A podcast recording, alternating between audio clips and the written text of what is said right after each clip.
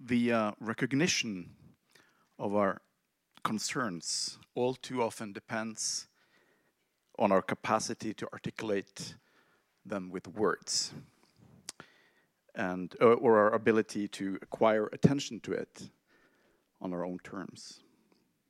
This is only one of uh, the many profound insights of uh, Penny Johnson's um, Companions in Conflict. And it's a book that changes the way that you see the world. There aren't that many books, but this is one of them. This is a great pleasure for me. Uh, I'm Eyvind Vågnes. It's a great pleasure for me to introduce Penny Johnson. Floor Thank you yours. very much. And really, thanks to all of you for coming along, but really warmest thanks uh, to all the staff of this one very stimulating festival. I've learned a lot, and I'm so glad to be here. But let me start my talk with a question that I had to ask myself when I was writing Companions in Conflict Animals in Occupied Palestine. Why write about animals in Palestine? Aren't there more urgent topics to address? Okay, let's consider two very common expressions in Palestine. Haywan, animal. A Palestinian student mutters under her breath when an Israeli soldier keeps her waiting at a checkpoint while he plays with his mobile phone. We are human beings, says a Palestinian mother to the world in the ruins of her demolished house in Jerusalem animal, the most common insult. Human, the most common claim to rights and justice. The animal human divide in Palestine seems wide. But is it? Companions in Conflict tells the stories of the common lives and very much the common fates of humans and animals, or more correctly, humans and other animals in that fractured land that is now occupied Palestine and the State of Israel. I begin Companions with a wish from the great Palestinian poet, poet Mahmoud Darwish, pointing to a small gray donkey under an olive tree near his house in Ramallah. He said, I wish I was a donkey, a peaceful, wise animal that pretends to be stupid Yet he is patient and smarter than we are. In the cool and calm manner he watches as history unfolds. Both Mahmoud, all too briefly, and the donkey were my neighbors in our city of Ramallah, where I have lived for over three decades, and I hope for a lifetime. I share Mahmoud's admiration for donkeys. Many of the paths on our steep hills follow the hoofsteps of cautious donkeys including the road that curves up from the dizzying slopes of Wadi Nar, the Valley of Fire, in the Jerusalem wilderness. This is now the only road connecting the northern and southern West Bank, as drivers with Palestinian identity cards can no longer enter Jerusalem. On his main point, however, I must beg to differ. Donkeys do not only watch placidly as humans go their troubled way. Like all the animals I consider in this book, whether working animals, wild animals, or those we tellingly call livestock, donkeys are deeply entwined with our histories and lives today. I've written the book as I move, sometimes with difficulty, through this ancient land with its rapidly, almost daily shifting geography and its enduring military occupation. I encounter not only Mahmoud's donkey, but camels, hyenas, gazelles, ibexes, cows, jackals, wolves, wild boars, and sheep and goats. Actually, there is really no getting around goats. And one proof from uh, the past is that even in the midst of escalating human conflict in the 1930s, British mandate officials who ruled Palestine at the time declared the native black goat public enemy number one. I could tell you more about this if we have time. But for a moment, let us return to the small gray donkey, whose kind have quite literally carried the burden of history, as well as an equally heavy load of myth and metaphor. A donkey, it is said, carried Jesus into Jerusalem, and Abraham and Isaac up Mount Moriah.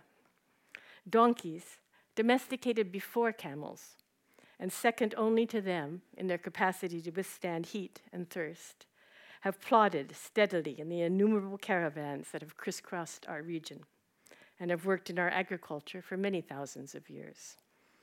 In the Israel Museum, a clay figure of a donkey bearing produce was excavated at the site of the city of Azor on the coastal plain below Jaffa and is dated between 3500 and 3000 BCE. 5,000 years later, donkeys carrying similar goods still trod the fields and streets of Yazur, the Palestinian Arab village on that site until 1948, the year of the Nakba, carried uh, the, when the donkeys carried its inhabitants into exile as refugees in Gaza. Those donkeys' descendants now serve as taxis in that beleaguered enclave. In the long Israel Palestine conflict, these peaceful animals have sometimes become instruments of war, as I recount in unhappy detail in the book. In the present tense, and tense it is, donkeys toil beside Palestinian shepherds and farmers in that large swathe of land now called Area C, 61% of the West Bank, under sole Israeli control, and now, of course, threatened with annexation. Uh, they are subject to the same fate arrest for humans, confiscation for donkeys, if they stray across shifting boundaries that are often invisible. Donkeys, like camels, are clearly our companions with their millennial old history as working animals. But wild animals are also, as philosopher Cora Diamond terms them, our fellows in mortality, in life on this earth. Parenthetically, I've greatly benefited from the recent advances in human understanding. We take a long time of animal cognition, sentience, emotional life, and social behavior. But Diamond's observation, seemingly simple, but I think quite profound, has followed me most closely as I wrote this book. Walking the hills around Ramallah in the 1980s, my heart often lifted as I caught a glimpse of a gazelle, sometimes accompanied by a yearling, threading her way among the stone terraces and gray green olive trees.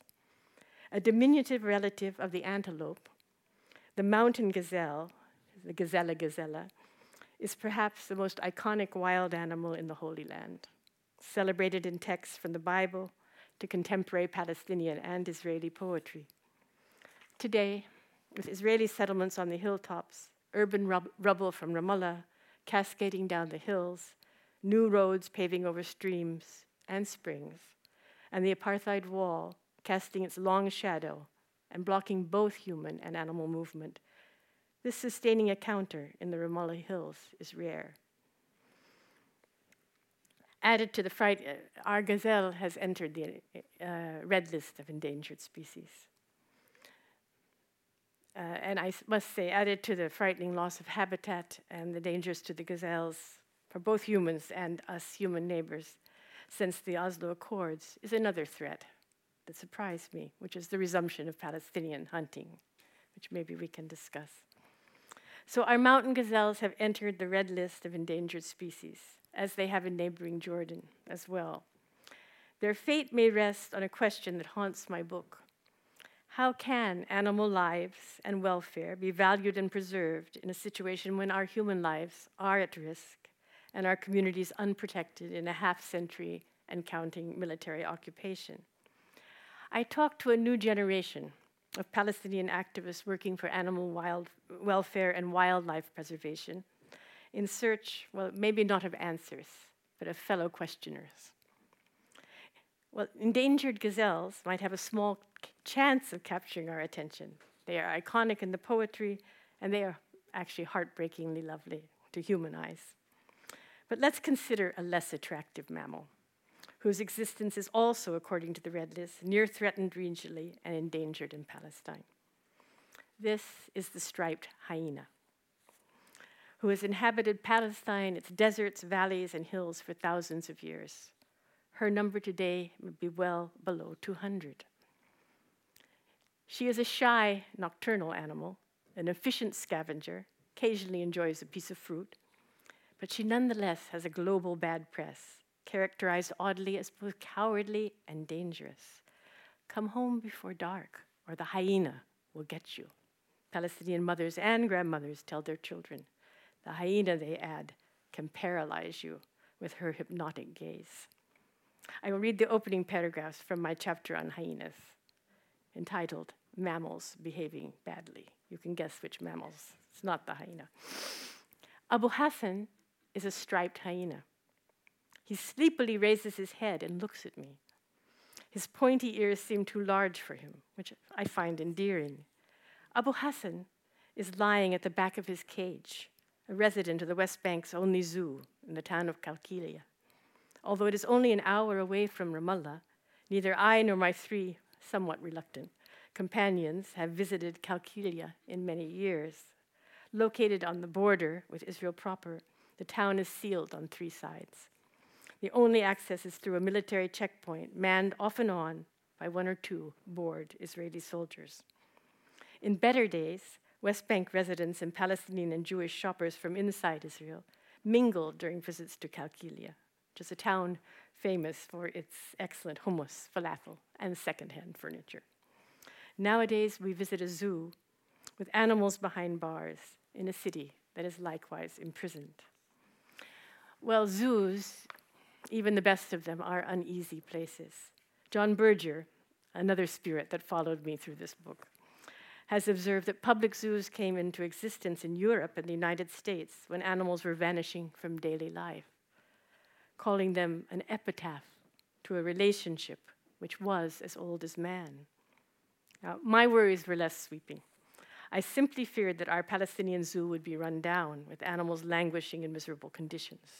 But the zoo, with pleasant picnic areas, shady trees, and clean and relatively commodious animal habitats, was full of enthusiastic local visitors. But Abu Hassan does not garner much attention except for me, as I am among the very few fans of the hyena. hyena. By the way, there, used, there was a whole uh, uh, taxonomic debate about where hyenas belonged. Are they in the sort of the dog family, the cat family? And finally, they just put them separately. And I think this is kind of instructive of human feelings about the hyena. Uncertain that I am to be the hyena's sole defender, I proceed to visit the chief and only zoo, uh, vet in the zoo, who is doc- Dr. Sami Khader. We meet in his office, which is crowded not only with papers, coffee cups, mysterious vials, but with a small baby baboon playing under Dr. Sami's feet. Lozi, Arabic for almond, was born in the spring when the almond trees were blossoming, but was rejected by her mother, who promptly tried to kill her. I try to concentrate and hear Abu Hassan's story. Dr. Sami explained that he was called to the scene when Abu Hassan's front paw was caught in a trap near Ramallah several years ago. The hunter was too frightened of the hunted animal to release him. Dr. Sami took Abu Hassan back to the zoo but had to amputate his paw. The hunter fears the hunted. A soldier standing at the old city of Jerusalem's Damascus gate fears a Palestinian schoolgirl. I wonder for a moment whether, whether the occupier's fear of the occupied keeps us all captive. But why such fear of an injured hyena? A quest to understand took me both to old folk tales and to a com- contemporary location much stranger than a zoo the Israeli military court at Ofer, near Ramallah. Here, young Palestinian men, mostly from villages near Israeli settlements, are charged with stone throwing. These are the shabab, the youth, attempting to protect, protect their unprotected communities, whether from settlers or as I consider while watching a melancholy video of the stoning of a hyena from a lone hyena running scared.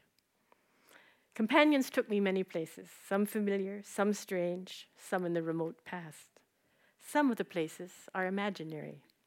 I spent quite a while reflecting on an eerie Kafka story, jackals and Arabs. and on an ancient cycle of tales featuring two Machiavellian jackals. One encounter, however, particularly lingers with me, as its story is far from over. Let me just read the opening paragraph of my chapter on sheep and goats, entitled Flocks by Day. The southern Hebron Hills have a hint of green in the January weather. As a longtime resident of occupied Palestine, I have lived through many decidedly unholy moments, and am usually immune to the biblical feel of the Palestinian landscape that strikes many visitors. However, I succumb for a moment to the temptation to view shepherds and their flocks on these ancient hills as emblematic of an enduring tradition in Palestine. Then I shake myself out of my reverie. Amer and I are about to visit a small herding community where that tradition is very much under threat. That community is Khirbet Zanuta. Khirbi is a, a, a, place that is, has been destroyed, an archaeological site sometimes. The threat to its very survival comes from a raft of demolition orders. These have been issued since 2007 by who else? The wrongly named Israeli Civil Administration, which is staffed by military officers and pretty much controls all our lives. Soldiers have come to destroy a cistern here, a hut there. Weary Israeli solidarity activists have spent every Saturday for decades in threatened locations in these hills. As we sit with four shepherds in the sunshine, sipping cardamom scented coffee, I hear a series of what seems to me insurmountable problems, whether the approaching demolition of their huts and sheds or the near vanishing of grazing land due to Israeli settlement and the building of the very nearby separation apartheid wall. When I ask Fayez what keeps him and the other shepherds here, given the lack of services and the looming threat of total expulsion, there's a case in the High Court right now. Fayez answers, very interestingly for me, that their life is far away from urban problems. And Abu Hani repeat, repeats his mantra this land is our inheritance. Watching as a, another older man brings his small flock over a nearby knoll, and the men look up at the widening sky to check the weather and admire a goat tottering on top of a fence, I began to see what Fayez means. Let me at least give a brief nod to several other animals that I meet in my book, two of whom are flourishing to the point of being called infestations the survivalist jackal and the omnivore wild boar. Both so far are highly adaptable in our overheated and increasingly toxic environment. In a visit to the Palestinian vil- village of Salfit, west of Nablus, I discussed the persistent accusations by Palestinian farmers that Israeli settlers release wild boars to damage their crops, but also consider the untreated sewage flowing from the Israeli mega settlement of Ariel, a magnet for these garbage loving animals. We are often caught between very real hot violence, and settlers on numerous occasions do extensive damage to Palestinian orchards and fields, and what Teju Cole, calls cold violence, the structural violence of the occupation and the settlement project. This potent mix is hard to separate. I've written this book to tell the long story of humans and animals in this fragile and today divided landscape. I've also searched for resources of hope, whether in the past, sometimes memory, sometimes as far as the, the Chalcolithic period, uh, or in the present activity of environmental and animal welfare organizations. What have I found in the latter? Small but meaningful acts that signal a beginning.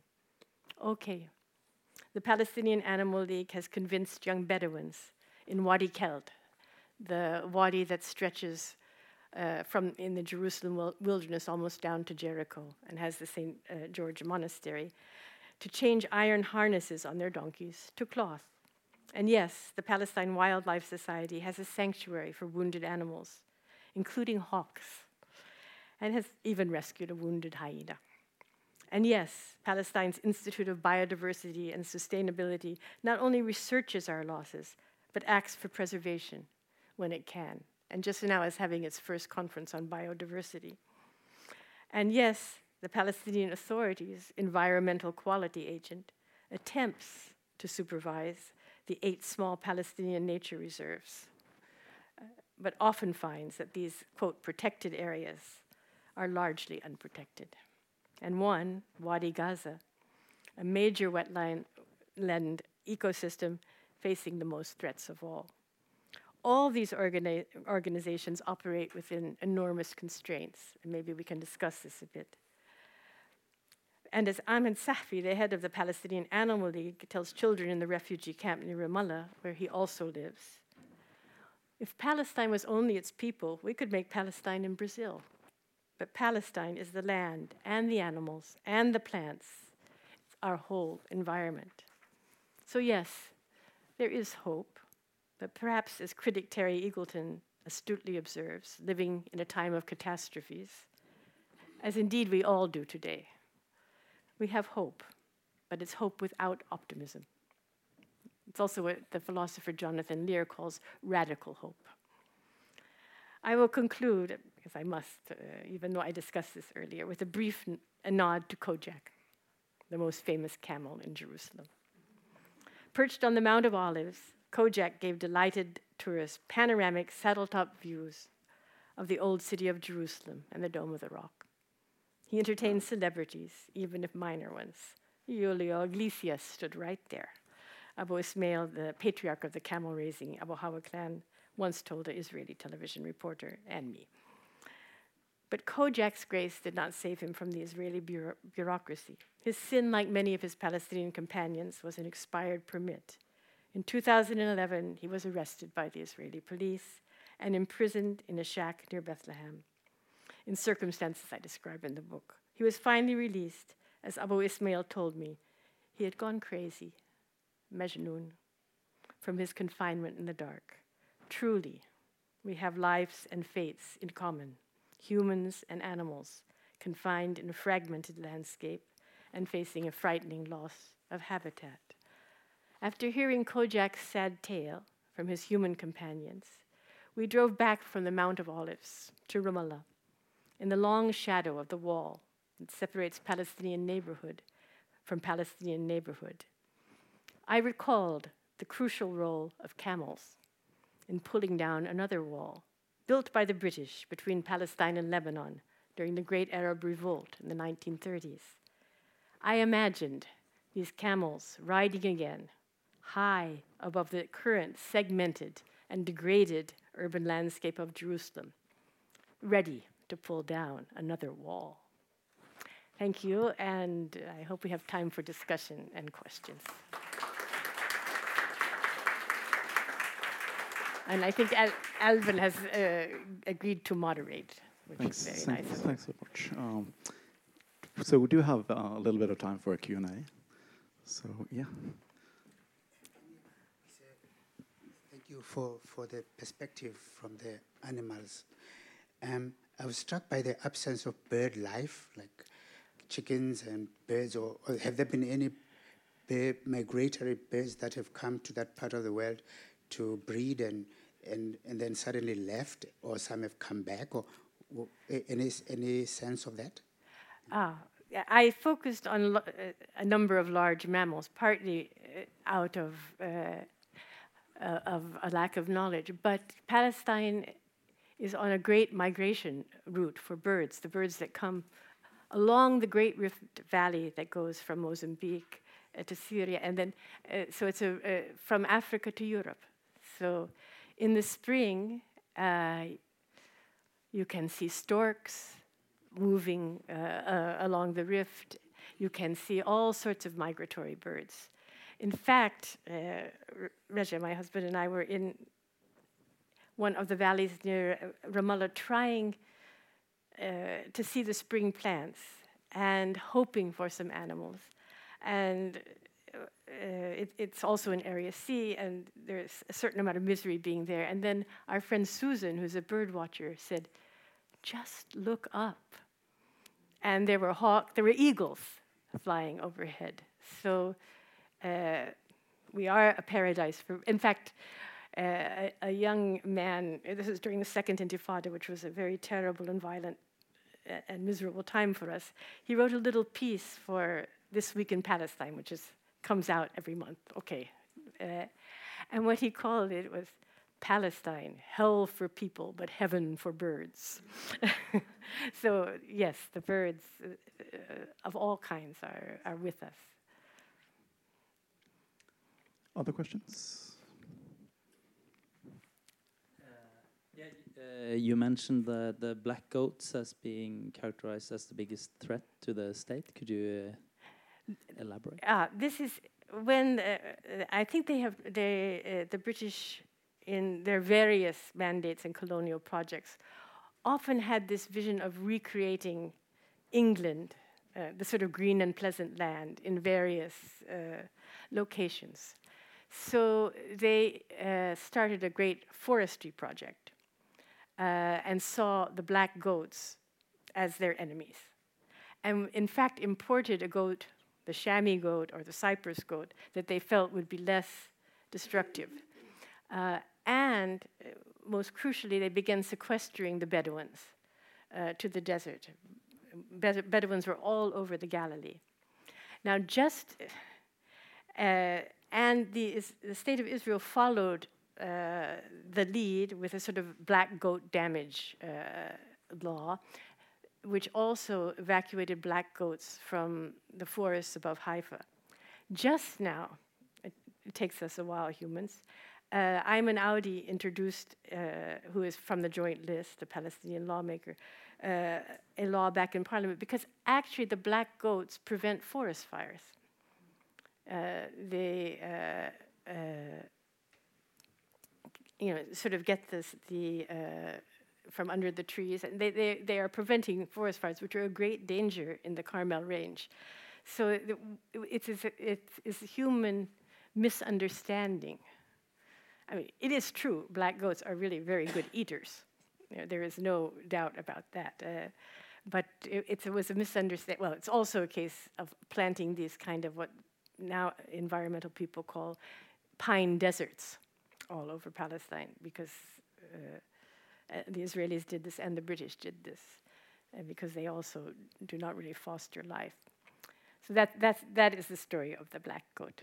There are still black goats, though uh, they were not defeated. Lesson for us. I think we have time for uh, one more question, perhaps, if if there is one. Yeah, anybody? I have a loud voice. Okay. you do. So.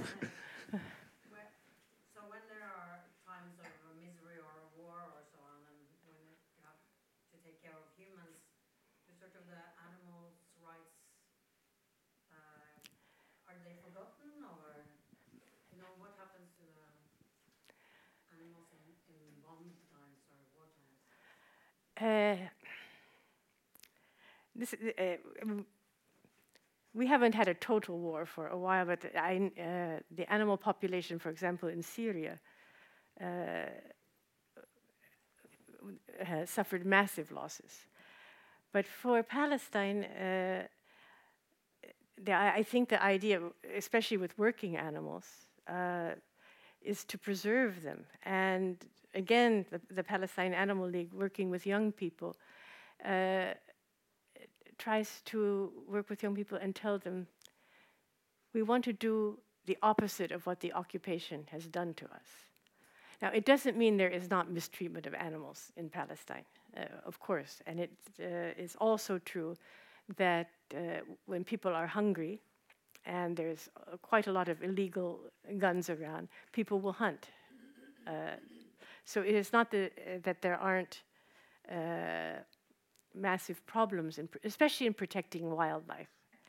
But there are also projects uh, that are working, I think, with young people to, to, to change the situation, I hope. Uh, is there anything else to say about, about this subject? Uh, I'm not sure. I mean, again, I'm offering hope. Uh, and we are a small country, and I can see there was one, there are four animal welfare and environmental organizations that have emerged from the inspiring work of the first Palestinian sort of bio biologist, animal specialist who, in the 1940s, who died when he was 32, Dr. Atallah in Beit Sahur. So one person can inspire, and I think uh, there are a number of inspiring young activists uh, working in now, and all sorts of environmental initiatives. But what is true, and I went to one conference, and when it comes to thinking about measures, like things that we can do for climate change, we start restricting our vision because we have no ability to operate. So people talk about uh, sort of turning off their mobile phones and education, but we cannot do anything in Area C, which is where most of the animals are. So there are other there are things that have to change for uh, animal welfare and wildlife preservation to be uh, to make substantial inroads.